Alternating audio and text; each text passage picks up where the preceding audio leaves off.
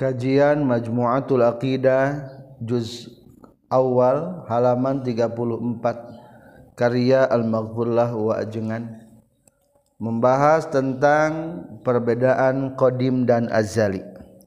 Bismillahirrahmanirrahim. Alhamdulillahirabbil alamin. Allahumma salli wa sallim wa barik ala sayyidina wa maulana Muhammad wa alihi wa sahbihi ajma'in. Amma ba'du. Qala al-mu'allifu rahimahullah wa nafa'ana bi ulumihi amin ya Allah ya rabbal alamin. Pasal kalima qadim jeung azali. Sasaran qadim jeung azali tilu warna dat Allah sifat ma'ani salbi ya dat Allah mawjud kiamu, ma'ani mawjud kiam binabsi salbi biya ma'dum taqiyam bi ma. ma'ani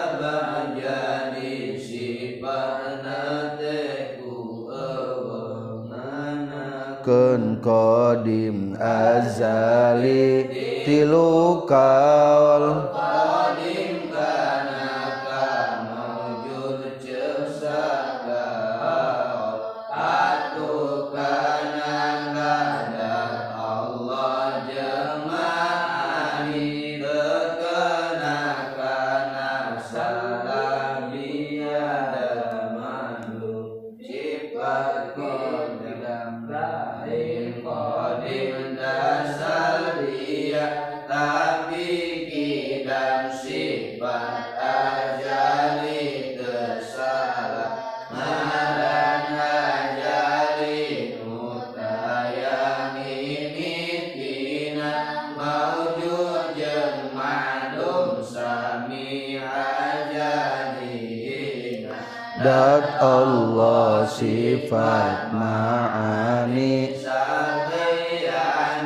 disebut azali sadayana kena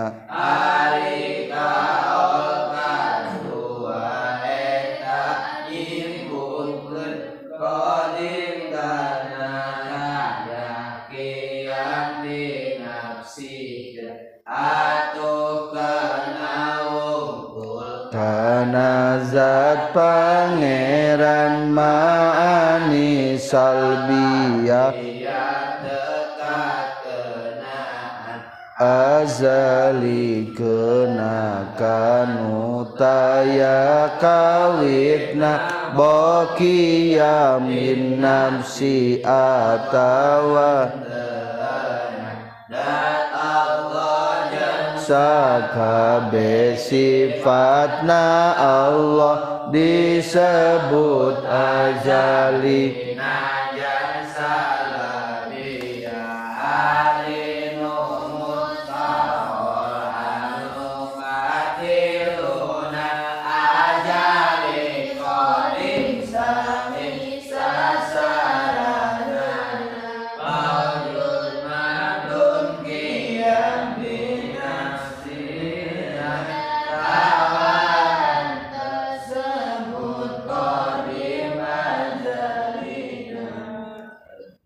Membahas tentang perbedaan ungkapan kata kodim sarang azali. Kodim hartosna hebel terdahulu. Azali sama hebel terdahulu. Kodim teu aya mimitina, azali ge teu aya mimitina. Berarti tentang penggunaan kata kodim dan azali hanya dipergunakan ke Allah jeng sifat Allah. Teu bisa digunakan ke makhluk. Si Jaid mah kodim, si Jaid mah azali, teu bisa. Paling ge lamun menyipati nyipatan sifat Allah. Si eta mah lolong ti azalina maksud lolong teh aja teh naon? Sejak lahir geus lolong. Sebetulnya mah ari sejak lahir tasolong lain ajali.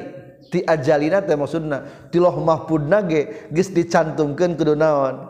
Kudu lolong. Tah berarti eta mah geus lolong ti azalina. Maksudna ti Allahna ti dituna. Ari Allahna azali teh? Azali jadi rek membahas perbedaan kata kodim jeung azali. Sebelum ngamanan kodim jeung azali urang bahasilah sasaranana. Sasaran kodim jeung azali ti luarna dat Allah sifat ma'ani salbiyahna. Sahur tadi kata kodim jeung azali mah bisa ditempatkeun ka makhluk. Soalna kodim jeung azali naon hartosna hebel te aya mimitina sedangkan utaya tina saha wungkul? Allah wungkul. Atuh sasaranana ge? Penggunaan kata qadim jeung ajali hanya diterapkan ke Allah. Maksud sasaranana tilu macam. Hiji zat Allah. Zat Allah aya mimitina teu teu aya. Kadua sifat maani. Sifat maani contoh kudrat kudratna Allah aya mitinante teu aya. Katilu sifat salabiyah. Nu sifat anu lima. Kudrat teu aya mimitina. Maaf. Kidam teu aya mimitina. Bako teu aya tungtungna. Teu aya tungtungna teu aya mimitina. mukhalafatul hawadisi teu sarupa jeung nu makhluk ti iraha teu aya mimitina teu sarupana teh.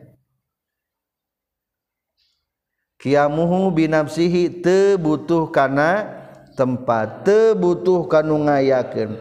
Ti iraha teu aya mimitina ti baheulana kitu Allah.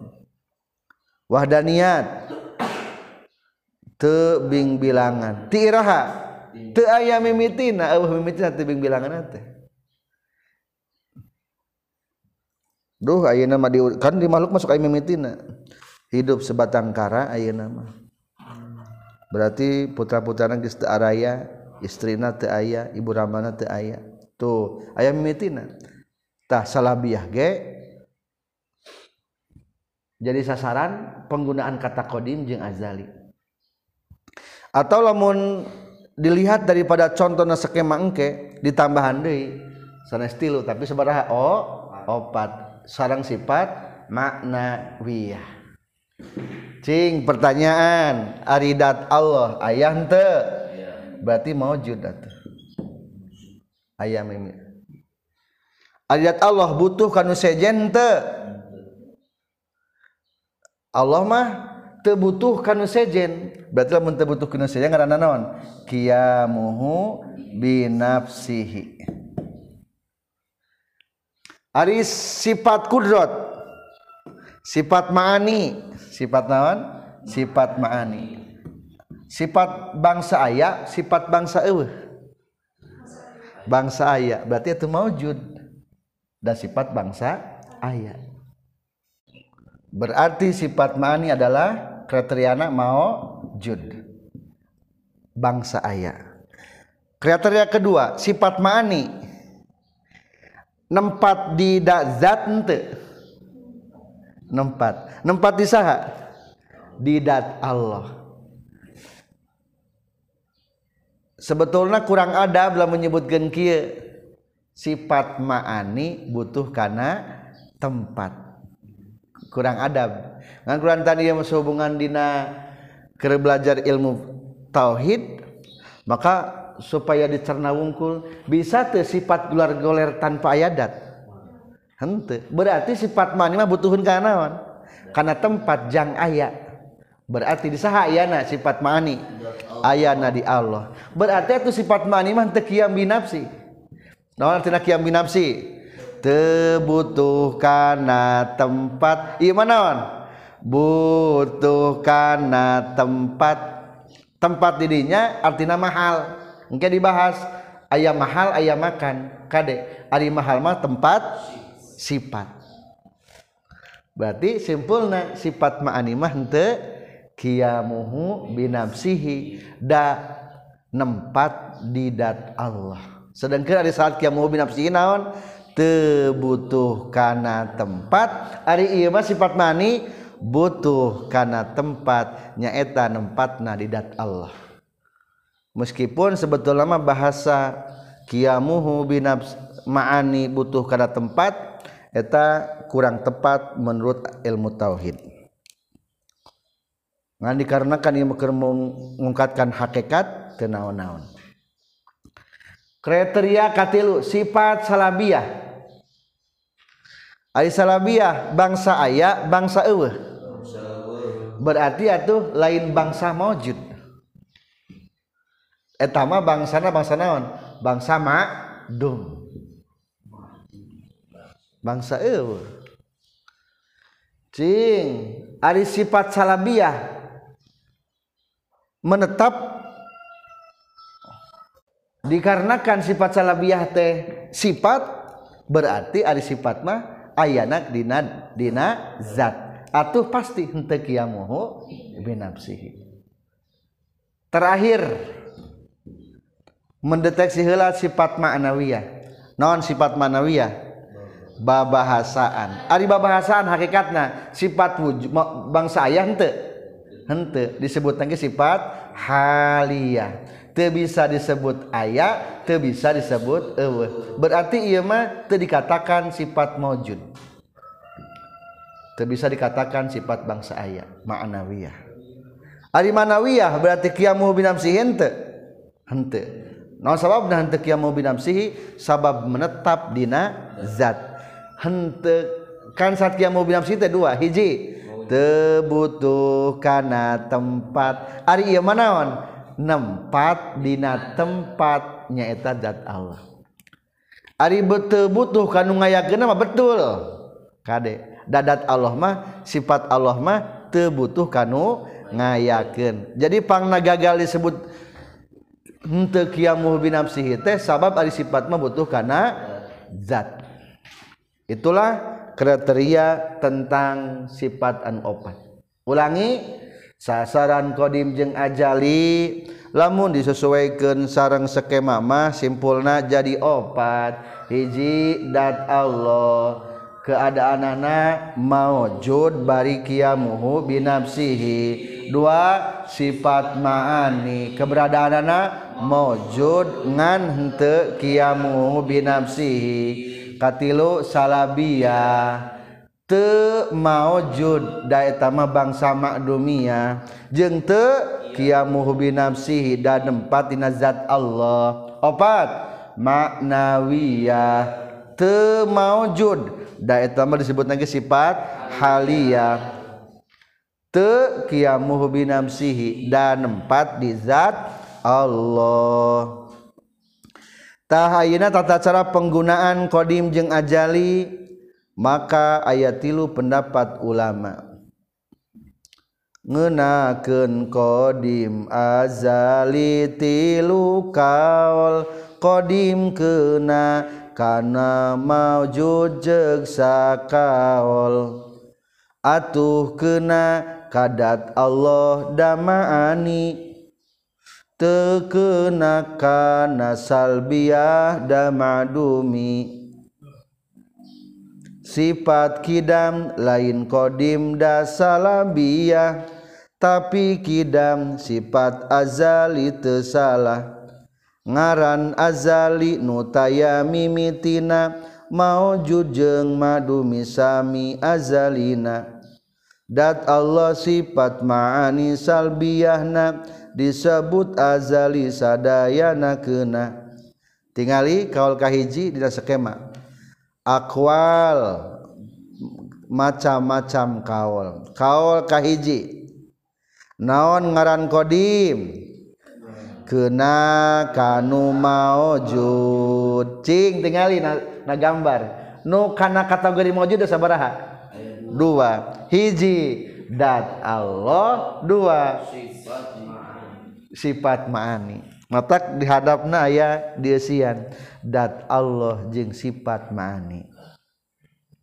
Maksudna kumaha? Tah kata qadim ka Allah mah menang. Allah mah qadim. Kudrat Allah mah qadim. Iradat Allah mah qadim. Hayat Allah mah qadim. Menang menyebutkan kata qadim karena sifat salabiah temenang jadi ulah kieu mukhalafatul hawadisin Allah mah qadim. Kurang tepat. Menurut penggunaan bahasa. Jadi sebetulnya iya kaul qadim yang ajali henteu mata kupur salah ngabahasakeun mah. Ngan keda jang tata cara pengungkapan kata mana lebih tepat. Ari baik jeng bagus artinya beda akur. Sami. Tapi penggunaannya beda. Hei apa kabar? Bagus?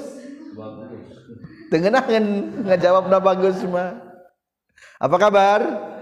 Baik. Cek bagantiku bagus. Apa kabar? Bagus. Tuh tengenahannya padahal secara arti mah akur. Tak iya kodimnya aja itu secara arti asal muasal mak akur ngan ke mana penggunaan kata kodim yang lebih tepat. Maka cek kalau kahiji kodim hanya digunakan kaca wungkul. Kanu maujud. Sedangkan cek tadi maujud masaha dat Allah sarang sifat ma'ani. Ada sifat salabiyah mah hente ma'nawiyah ge hente salabiyah sabab etama bangsa ma'dumiyah maknawiyah sabab etama bangsa haliyah. Selesai kedua penggunaan penggunaan kata azali cek kalau kahiji kumaha? Mala awala lahu. Setiap nute aya mimitina cing dat Allah. Aya mimitina hante berarti kriteriana mala awala lahu.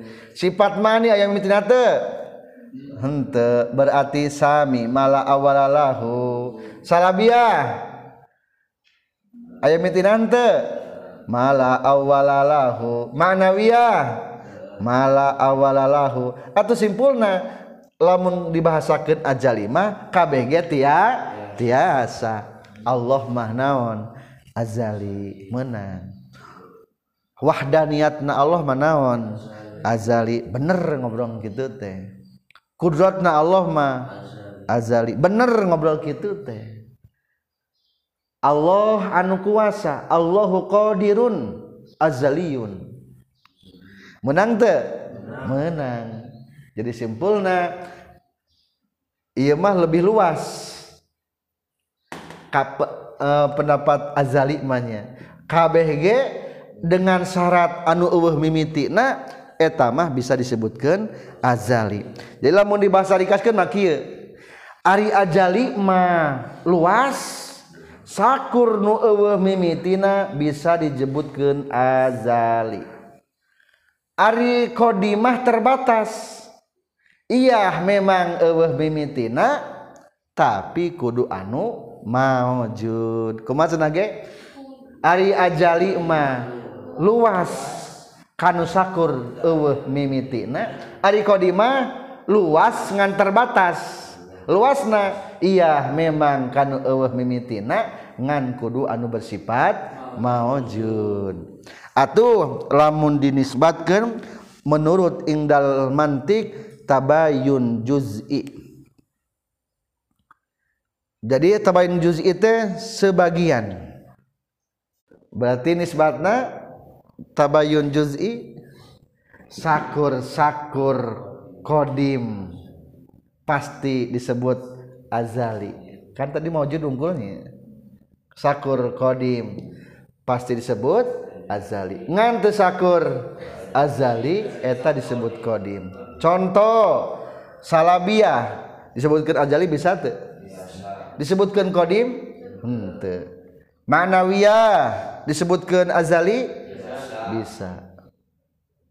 Disebut kodim tetiasa kuma nisbatna sakur sakur kodim.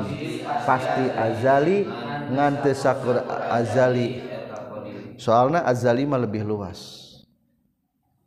Setiap Ciamis pasti Indonesia ngante setiap Indonesia eta Ciamis. Jadi kanu leutik ngobrolna kanu sempit heula kanu khusus heula.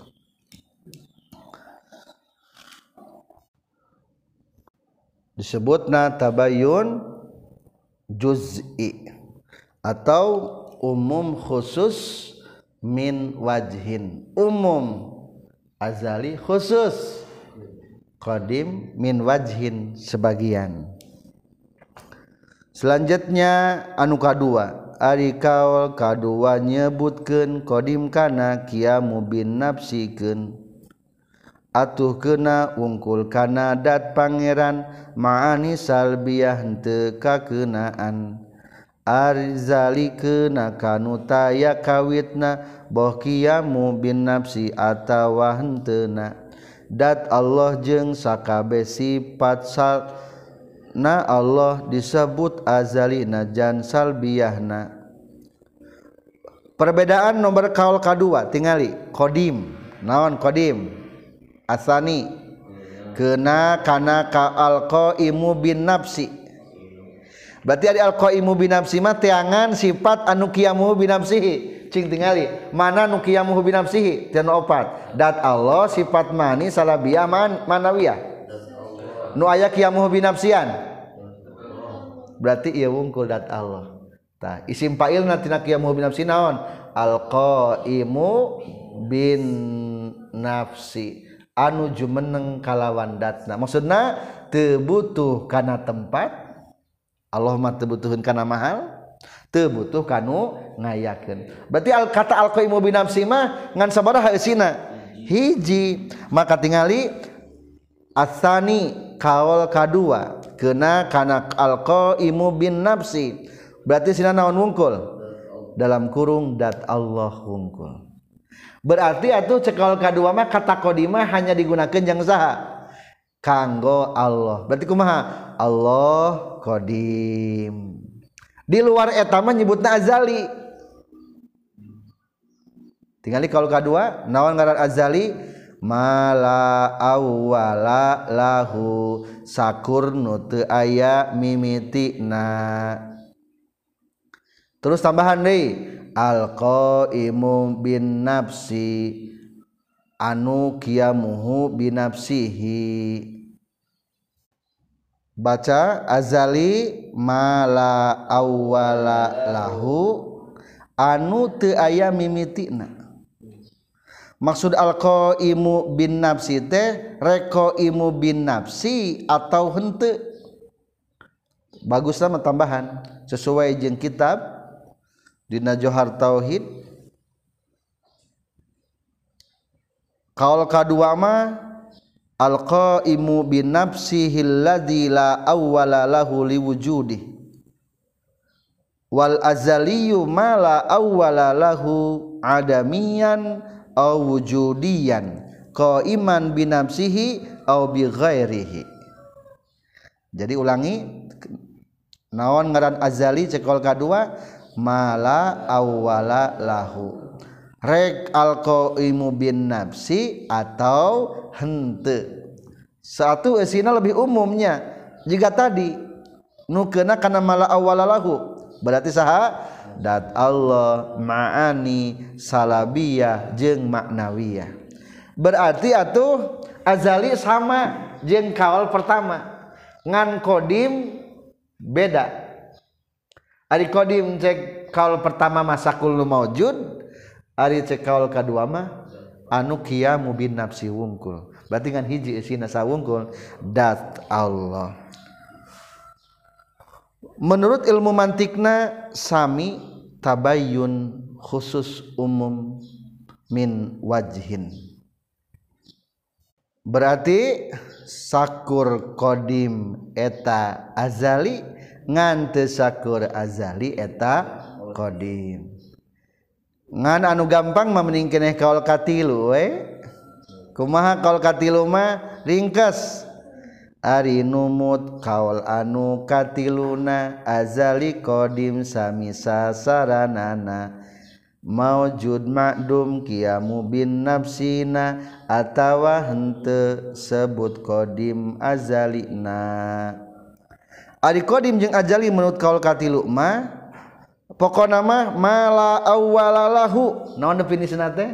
Mala awalalahu kodim mala awalalahu azali ge mala awalalahu berarti atuh eta keneh eta kene dua lapad tapi satu makna. Disebutna taroduf akur berarti.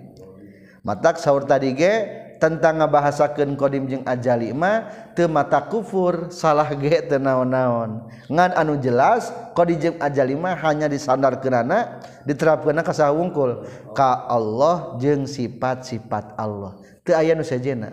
Soalna teu qadim sajena mah. Catatan. Hiji sifat nafsiyah kriteriana. Wujud. kecap aya. Lain bangsa aya. Da anu aya nama nu maujud. Lain bangsa eueuh. Dasa lagi nu maujud aya. Kecap aya ngukuntit. Atuh sifat wujud kecap aya. Teu kakeunaan ku kecap azali jeung kodim. Sifat nafsiyah nyata naon sifat nafsiyah teh wujud. Ari wujud mah istilah ilmu tauhid mah disebutna sifat haliah. Teu bisa disebut aya danu aya nama barang anu aya. Tuh lain bangsa aya. Teu bisa disebut eueuh dasa lagi barangna aya kecap aya pasti aya. Tah sifat wujud. Mah berarti sebutnya sifat naon? Halia. Halia. Berarti lamun cek kaul kadua mah sarang kaul kahiji sifat wujud mah teu bisa disebut qadim ngan lamun disebut ajali mah menang eta teh catatan kedua salabiah kriteriana bangsa ewe betul. Entas. Hente kiamu bin nafsi. Sabab daetama ayana dina zat. Sedangkan ari kiam bin nafsi mah kudu anu maujud anu ngancik eta salabia bisa disebut kodim atau azali cekawal katilu. Ari sifat salabiah cekawal katilu menang disebutkan ajali. Menang. Disebutkan kodim menang komo. Cekawal kahiji kadua ge ajali mah menang. Ngan lamun cekawal kahiji mah teu bisa disebut kodim cekawal kadua ge sami teu bisa sebutkeun kodim katilu.